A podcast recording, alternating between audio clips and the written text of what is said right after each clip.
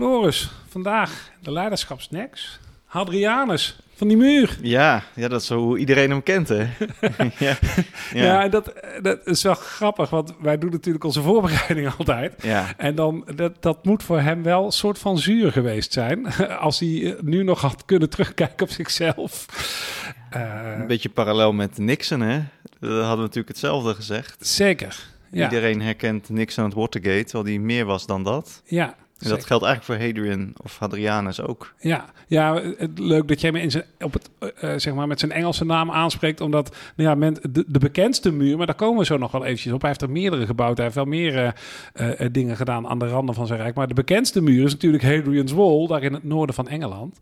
terwijl hij bijvoorbeeld ook nou ja, echt onderwijs stimuleerde. Kunst. Kunst, Pantheon. Hè? Pantheon heeft hij herbouwd. Zeker. Ja. Dat wilde hij ook heel graag. Um, en misschien wel aardig om, om die context even, uh, de jaartallen even 76 na Christus geboren, 138 na Christus overleden. Ja.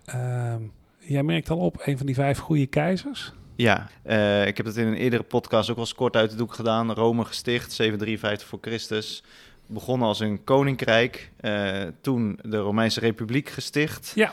Um, en met de komst van nou ja, transitie tussen Caesar en uh, Augustus ontstond het keizerrijk. Ja. En in die periode zitten we nu ook bij keizer Hadrianus. En dan uh, is hij, wat men later is gaan noemen, een van de vijf goede keizers. Dus een periode van, nou zeg, 100 jaar, waarin, waarin eigenlijk Rome volledig tot bloei is gekomen.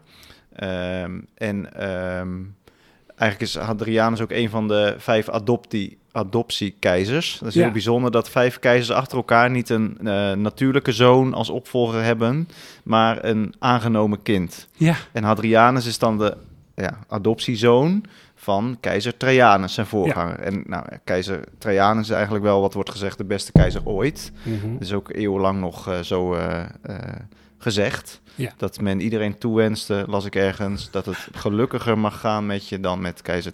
Dat het, nee, dat het beter zal gaan met je, nog beter dan met keizer Trajanus. Oh, Zoiets. Nou, Nou, nou, nou ja, dat, Desnoods dat je zoeken we dat op. maar uit. Ja. En hij heeft een, eh een Dus de erfenis- in Nijmegen. dat kent iedereen die er wel eens rondrijdt. Ja, nou, vandaar dat ik het niet ken, denk Nee. ik. Maar, eh, ja. maar inderdaad, ehm, dus eh, we kunnen in ieder geval zeggen dat, omdat Trajanus zo succesvol was, Ja. de beste keizer ooit, Ja. had, was de erfenis van Hadrianus Ja. ook erg groot. Ja, en, en dat... En hij zag natuurlijk ook al, en dat ga jij misschien nu toelichten, Mhm. ehm, dat eh, de erfenis erg groot was, maar dat er ook wel rafelranden zaten aan dat immense imperium wat Trajanus aan hem over heeft gedragen. Ja. Ehm, nee, ja, dat is inderdaad waar ik wel heen wilde. In die zin dat dat rijk gewoon heel groot was. Hè. Romeinen hadden wel zoiets wat wij ooit veroveren, dat geven wij nooit meer af. Maar hij zag wel van ja, dat wordt wel heel lastig. Hij had aan de randen van zijn rijk. ehm, eh, eh, jij noemt dat rafelen, maar er waren gewoon veel opstanden in Judea, eh, Mesopotamië, Egypte, in Irak. Hè, dus Mesopotamië rommelde het dus, maar ook aan de Germaanse kant, hè, de, de, de grens wat wij nu Duitsland noemen. Maar dus ook in Engeland. En daar komen we natuurlijk straks toch op, omdat, nou ja, Vanwege de muur, ja. Vanwege die muur. Ehm, wat hij deed, en dat vind ik wel heel mooi, is hij kwam dus tot de conclusie. Dit wordt wel heel lastig om allemaal te behouden. Dus ik moet eigenlijk die. Nou ja, ehm, eh, eh, als ik niks doe, dan, dan eh, gaat mijn rijk afkalven. En dat. Nou, ik weet niet hoe ik dat stoppen kan. Hè? Vroeger was het elite leger van de Romeinen. stond altijd aan de, in, in, in Duitsland. Hè, om met de Germanen te knokken. Maar hij moest ook elite troepen naar dat Midden-Oosten brengen. Dacht, ik moet hier iets doen. Wat hij deed, dat vind ik wel heel mooi. Hij ging er naartoe. Ja, hij Eh, bleef niet vanuit Rome eh, decreten uitvaardigen, maar hij ging er echt naartoe, hè? Ja. Dus hij reisde echt dat hele rijk rond. En het was vroeger geen kenniszinnen natuurlijk om dat soort reizen te maken. Eh, en hij besloot dus op verschillende plekken bijvoorbeeld muren te bouwen. En natuurlijk die in Noord-Engeland, die kennen we nog heel goed. Maar hij besloot zo af en toe ook andere dingen te doen. Ehm, eh, in Irak, Armenië trok hij zich terug. Maar die muur, om die toch even Ja, eh, vast te pakken. Hè. Hij kwam daar dan aan, stond bekend als man onder de mannen. Hè. Eh, Ja. eh, nou ja, zonder al te veel opsmuk ging hij gewoon met die legionairs het trok hij op. En wat hij in Duitsland bijvoorbeeld deed, daar bouwde hij ook een muur echt aan het einde van het Romeinse Rijk. Zei hij, dit Op is de wat grens. van... Ja, op Ja, de grens. Dit is van ons. En daar, nou ja, hè, eh, wat aan de andere kant zit, dat komt er bij ons niet in. En we verdedigen deze linie gewoon. In Engeland deed hij, bouwde hij ook een muur, maar een heel andere. Oh, echt? Wat, ja, wat hij daar deed. En dat vind ik wel. Eh, ik vind dat wel, wel mooi ook. Daar had hij een, een, een stam. Ik moet je zeggen dat ik even die, die, die, de naam van die stam niet paraat heb. Maar nou, dat zat een beetje tussen opstandig, maar toch ook nog wel een beetje eh, betrokken bij het Romeinse Rijk. En wat hij deed, hij bouwde midden door dat rijk, bouwde hij die muur. Niet zozeer eh, om te zeggen, aan de ene kant hoor je erbij, de andere kant niet. Maar om ze economisch te kunnen controleren. Want je kon dus die muur niet zomaar over. Dan moest je langs die wachtposten met Romeinse soldaten. Dan kon je tol heffen. Hij kon dus daarmee die hele economische structuur als het ware beheersen. En daarmee die stam rustig houden. En daarmee de noordkant in Engeland van zijn rijk als het ware bewaken. Maar dat is dus een hele... Het lijkt op het eerste gezicht dus hetzelfde idee als in Duitsland. Maar wat je zegt is, nou ja, eh, als je er echt in verdiept... eh, dan past hij eigenlijk maatwerk toe. Per gebied, per Ja. situatie. Omdat hij daar dus gewoon echt fysiek was. Ja, Daardoor kon hij ook zien wat er in welke situatie nodig was. Dat, dat is wel de conclusie die Ja. ik daar... Hè, want Ja. dat is natuurlijk de blik waarmee wij ook kijken. Hè. We kijken natuurlijk terug en wij kijken... wat kun je nou als hedendaagse leider daarvan leren? Ja, Nou, ik denk dat de term maatwerk bij hem nooit is opgekomen. nee, dat denk ik ook niet. Nee. Eh, maar zo, ik zou dat nu wel zo kenschetsen, ja. Ja. Ja, en ik denk ook, dat vind ik ook wel bijzonder aan die Hadrianus. Ik bedoel, wij inderdaad, wij denken, oh ja, die Hadriaanse muur, logisch, weet je wel, het, het rijk wordt kleiner en nou, dan moet je zorgen dat dat een halt toe wordt geroepen. Ja, Maar ik denk dat we daarmee voorbij gaan aan, ehm, aan de lastige positie die hij daarmee innam.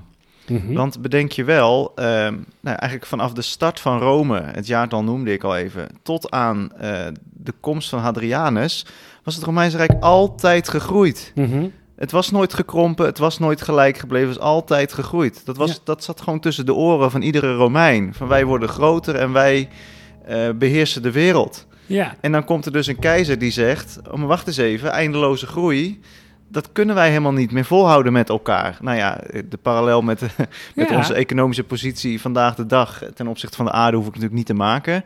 Maar dat, ik, ik denk dat, dat dat is best wel gedurfd om dat te zeggen. ja. Eh, en toch deed hij het, omdat hij zag dat dat het beste was voor uiteindelijk de toekomst van het Rijk. Om die groei, die eindeloze groei, een, een halt toe te roepen en te zeggen: dit kunnen we dragen met elkaar. Mhm. Eh, dus groter dan dit worden we niet. Dus trekken we ons terug, dus bouwen we daar een muur, hier bouwen we een ander soort muur.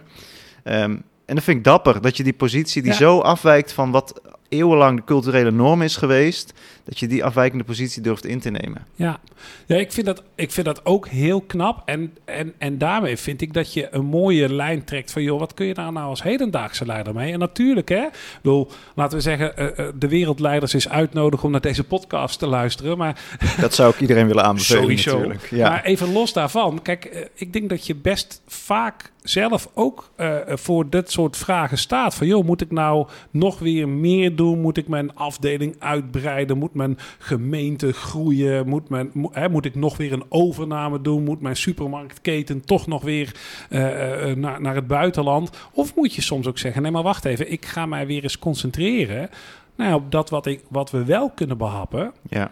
Ja. En dan, ja, dat maatwerk, ja, dat is natuurlijk een beetje dat toverwoord van, van de afgelopen vijf, zes jaar, waar gewoon heel veel aandacht voor is. ja, en wat nu ook wel betwist wordt, hè? Zeker, Ja, ja, ja. Nee, dat is interessant. Ja. absoluut. Ehm, maar hij heeft het denk ik op een hele succesvolle manier gedaan. En dan, ehm, nou, we begonnen net, dat vind ik wel een mooie afsluiter. We begonnen net van, goh, zou hij het nou leuk vinden dat we terugkijken op die muur in Engeland als zijn, zijn meest bekende erfenis? Ehm, nou, ik kan niet in zijn hoofd kijken, maar dat betwijfel ik aan de ene kant, terwijl het aan de andere kant eigenlijk zo'n mooi symbool staat. Als je je verdiept in al die andere muren, terugtrekbewegingen en, en Ja. investeringen die hij heeft gedaan, dan denk ik, nou, zonder die muur waren we het misschien wel vergeten. Ja. En met die muur eh, is het in ieder geval voor jou en mij en voor de luisteraars nu wel een reden om hier eens in te duiken en les uit te trekken. Dus eh, Zeker aanbevolen. Mooi. Ja. iedereen bouw je eigen muur. maar dan dat wat nodig is voor jou. Ja, Ja, mooi. ja. Leuk weer, dankjewel. Yes.